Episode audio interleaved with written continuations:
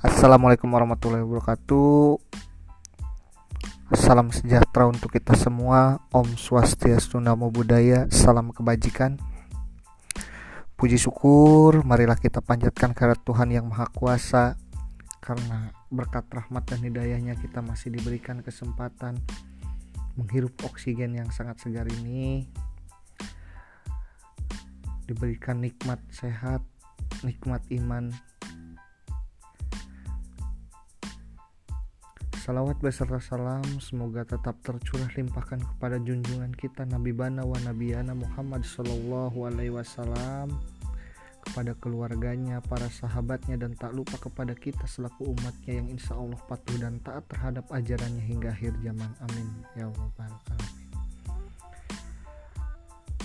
Meneruskan materi sebelumnya tentang Paradigm of Indies Company atau yang kita kenal dengan POC dengan tujuan pembelajaran menganalisis tujuan dan awal perkembangan POC, menganalisis kebijakan-kebijakan POC, yang ketiga menganalisis reaksi rakyat terhadap kesalahan POC, yang keempat menganalisis kebijak eh, kebangkrutan POC atau POC gulung tikar.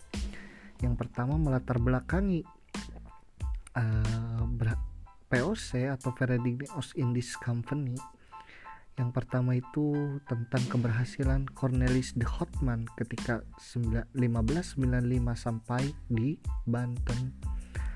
Sampai dengan 19 ah sorry 1596 kemudian dilanjutkan zaman pelayaran liar atau wild fart yang ketiga menciptakan persaingan dagang. Yang keempat usaha parlemen untuk penggabungan. Yang kelima yaitu tanggal 20 Maret 1602 lahirlah Perserikatan Maskapai Hindia Timur atau yang kita kenal dengan Paradigm of Indies Company atau P POC. Kemudian Organisasian POC. Mungkin kalian mengetahui berita beberapa bulan lalu yang mengangkat tentang Sunda Empire ya. Sunda Empire mengatakan The Heron Seventeen itu adalah satu organisasi yang uh, apa namanya mendaftar ulangkan semua negara di seluruh dunia agar uh, apa kalau sampai tanggal berapa Agustus waktu itu ya kalau sampai tidak daftar ulang maka negara itu akan dikeluarkan dari keanggotaan The Heron Seventeen. Nah itu salah besar ya.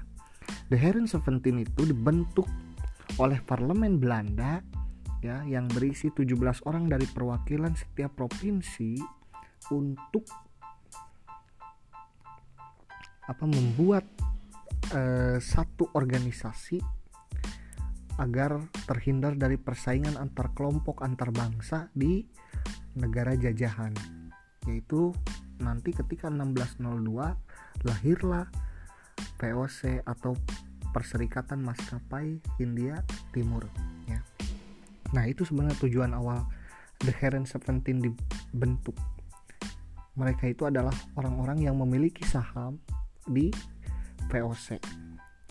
Kemudian POC juga memiliki hak oktroy.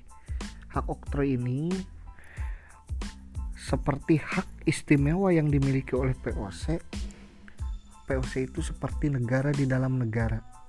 Ya, seperti bangsa di dalam bangsa. Jadi POC boleh mendirikan uh, apa namanya oh tentara sendiri kemudian POC boleh melaksanakan perjanjian dengan raja-raja setempat kemudian POC juga boleh uh, apa namanya mencetak uang sendiri. Nah itulah yang disebut dengan hak ok oktroy